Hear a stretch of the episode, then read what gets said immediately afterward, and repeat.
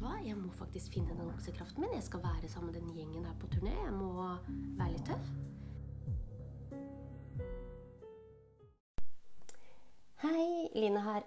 Eh, Episoden i dag, den eh, inneholder et lydklipp som jeg tok opp i oktober 2020. Um, jeg hører jo på stemmen min at eh, det hadde vært et år som hadde vært utfordrende. Masse tanker. eh, Og jeg tok opp eh, lyden egentlig som en liten video. Som eh, jeg egentlig ikke helt visste da hva jeg skulle bruke til. Jeg Ville bare tømme hodet litt for tanker, og så blei det det som dere får høre snart etter det her. Jeg jobba jo litt med Ari, og etter det jeg forteller i dette lydklippet, så har jo på en måte Ari dukka opp i livet mitt eh, flere ganger. Eh, både med, med at han visste om det, og ubevisst også. Og det er jo litt sånn med noen mennesker, de kommer jo stadig tilbake. På en eller annen måte. De dukker opp først på en måte, gjennom noen andre kanskje, og så plutselig ender veien i et fysisk møte, f.eks. Jeg eh, tror jo på at ting er ment for en grunn. Jeg er utrolig takknemlig for at jeg eh, fikk møte Ari og jobbe eh, med han. Og sett på nært hold hvordan kunsten hans påvirka de som kom og så på den. Og det var da jeg egentlig også fikk et, et nytt blikk for at kunst også er healing. Det resonnerer med et menneske, og da er det også litt vanskelig å dømme hva er bra og hva er eh, dårlig. Når noe bare treffer eh, en sjel, rett og slett. Og Ari var også i sin kraft et veldig medmenneske. Han så deg. Han hadde en ekstrem hukommelse. Han eh, visste hva du het, og hvor han hadde møtt deg, selv om det hadde gått to år siden. Og det Jeg snakka med Wenche Knutson her, og hun også sa det. Han var liksom bare Han huska det. Og um, det var en ekstrem eh, sjelden egenskap også. Og det var enten om du var Wenche Knutson, eller om du var en eldre dame på 80 som eh, hadde tatt turen til en utstilling og hadde lyst til å titte på hva dette her var for noe. Så Nei, man skal ikke undervurdere mennesker altså, som dukker opp på veien din. Og Ari er bare en av dem. Og jeg er helt sikker på at livet mitt kommer til å bringe flere inn. Av det ene og det andre slaget. Som jeg eh, kommer til å være evig takknemlig for å ha møtt på. Da skal du få lov til å lytte på lydklippet. Og så håper jeg at du har en fin dag. Og åpner øynene opp for eh, hva som skjer eh, rundt deg.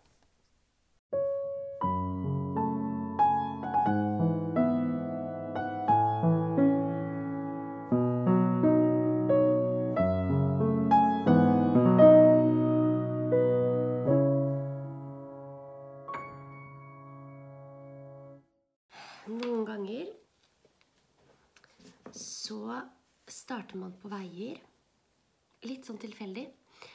Og så plutselig går det noen år, og så ser man at de veiene faktisk eh, har vært der av en grunn.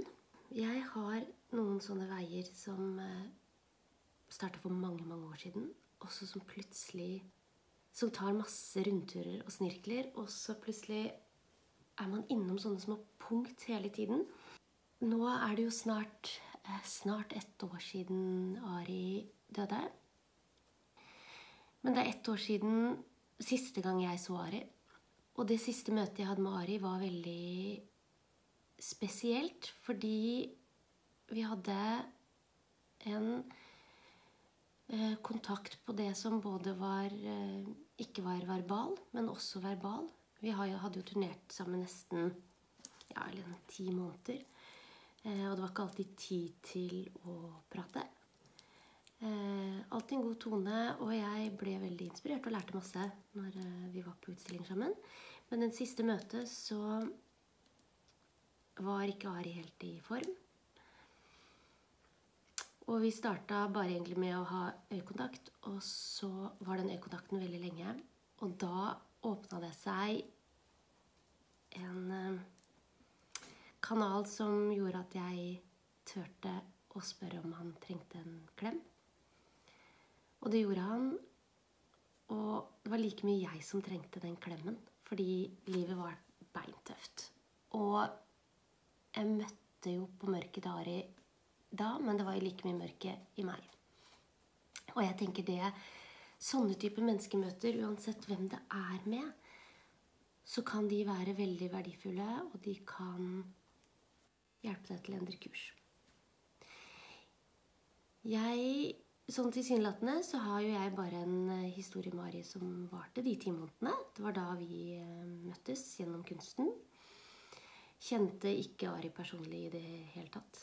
Det, det var profesjonelt, og det var kun den siste, som, siste møtet som var veldig veldig nært og veldig um, ærlig. Og samtidig så ble mye sagt for min del som gjorde at jeg i dag har tatt noen avgjørelser det siste året som har vært viktig for meg. Egentlig så starta historien til meg og Ari for uh, Guri, hvor gammel kan jeg ha vært? 18? Jeg må spørre venninna mi Marte om hvor gamle vi var. For vi dreiv og lagde litt konsepter. Allerede på den tiden så var jeg veldig opptatt av konsepter. Og vi lagde et um, konsept som vi kalte for Glossy Pussy, som var et glam rockeband. Et veldig klingende fint navn. Um, dette fortalte Marte til Ari Behn. Da var Ari Behn sammen med Vibeke Saugstad. Og Vibeke Saugstad dedikerte en av sine konserter til, til Glossypussy. Fordi vi hadde samla inn noe penger for å stø de lokale glampunkerne. Det var et veldig gøy konsept som jeg kan gå inn på senere. Men eh, da var det første møtepunktet med Ari uten at jeg var til stede. Men jeg husker jeg syntes det var litt, eh, litt gøy, for det er både det rå navnet Ja. Det blei jo bare en veldig gøy greie, hele det konseptbandet vårt. Og som har fulgt, blitt noen historier opp gjennom årene. Men så gikk det jo mange år, og så møtte jo jeg eh, Ari og gjengen i Ås, hvor jeg fikk lov til å eh, dele ut smykker. Da hadde jeg også en samtale med Ari om okser. Eh, og da Ari blei veldig glad for den oksen som han fikk. Han har ikke brukt den etterpå, så han eh, Jeg tror han likte konseptet mitt. Og det, det har han sagt senere også. Men det traff jo For han hadde en historie om en okse. Men en levende okse. En skjør okse. Eh, og så ga han meg fem klemmer i løpet av den, eh, det møtet. Noe jeg syntes var veldig hyggelig, men veldig mye. Tenk bare sånn Guri, liksom. Så mange klemmer. Og det var litt uvant for meg. Og så begynte vi på den turneen et år eller to etter det møtet der. For det tok jo litt tid før jeg ble invitert med. Og det var ikke gjennom Ari, det var gjennom de som dreiv turneene. Og eh, igjen da alle de oksehistoriene. Og så når første gangen jeg møtte Ari på utstilling Da hadde vi vært på noen utstilling, men Ari hadde ikke vært med. Og så kommer han bort til meg, og så sier han Du, den oksen din Den eh, Jeg ser den ikke helt hos deg. Den er liksom litt gjemt. Eh, den er der, men eh, jeg får ikke helt øye på den. Og jeg ble bare sånn åh, åh. Ser du ikke oksekraften min, liksom? Men jeg hadde jo ikke den, vet du. Jeg hadde mistet den.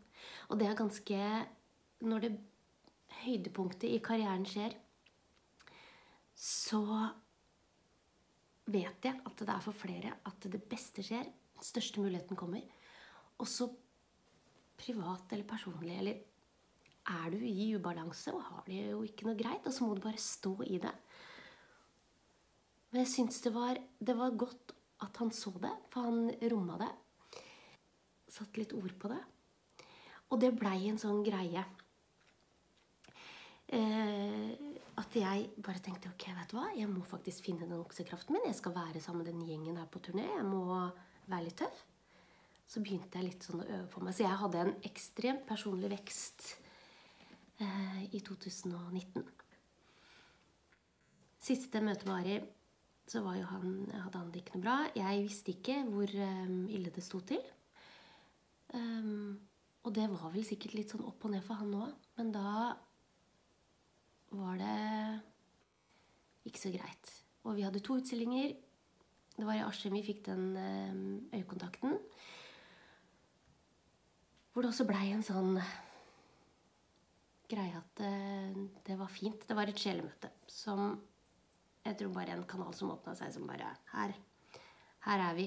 To, to mennesker som, um, som kjenner på, på noe som er mørkt og tøft.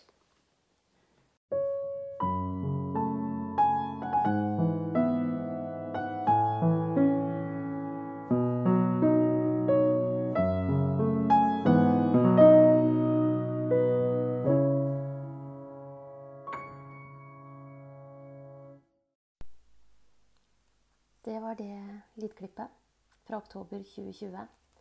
Nå er vi i juli 2021, og verden begynner å åpne opp litt igjen. Og det er mye som har skjedd. Og jeg skal fortelle mer om det i episode tre. Men uh, Ari er fremdeles med på utstillingene i kraft av sine bilder. Det går jo mot slutten med hva som er igjen av bildene hans også. Så det lønner seg jo å få med seg disse utstillingene.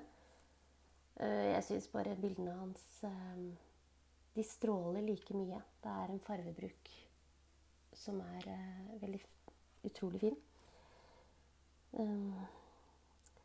Og så gjør man seg jo opp noen tanker med symbolikken, motivene, titlene på bildene hans. Så Men jeg velger tross det triste å fokusere på noe av den kraften han hadde, som var raus og utrolig inspirerende. Jeg eh, sier at jeg fremdeles øver på å bruke farver. Jeg er veldig glad i sort og gull og kobber og sånne ting. Men eh, innimellom så øver jeg på farger. Fordi Ari sa det. Jeg kom alltid kledd i sort på utstillingene. Han sa at å, du må prøve litt fargeline. Farger er følelser. Vet du, farger er følelser. Og det er helt sant. Jeg eh, bruker nok ikke sort fordi at det er mørkt. Men det er safe. Det er trygt. Det å blande inn masse farger og Det gjør deg jo veldig synlig og tydelig, og det er ikke alltid man er klar for det. Rett og slett. Da avslutter jeg denne episoden. Og så håper jeg du likte det du hørte. Eh, del gjerne med andre. Og kom gjerne med tilbakemeldinger og still meg spørsmål. Jeg svarer gjerne på spørsmål også. Ha en fin dag.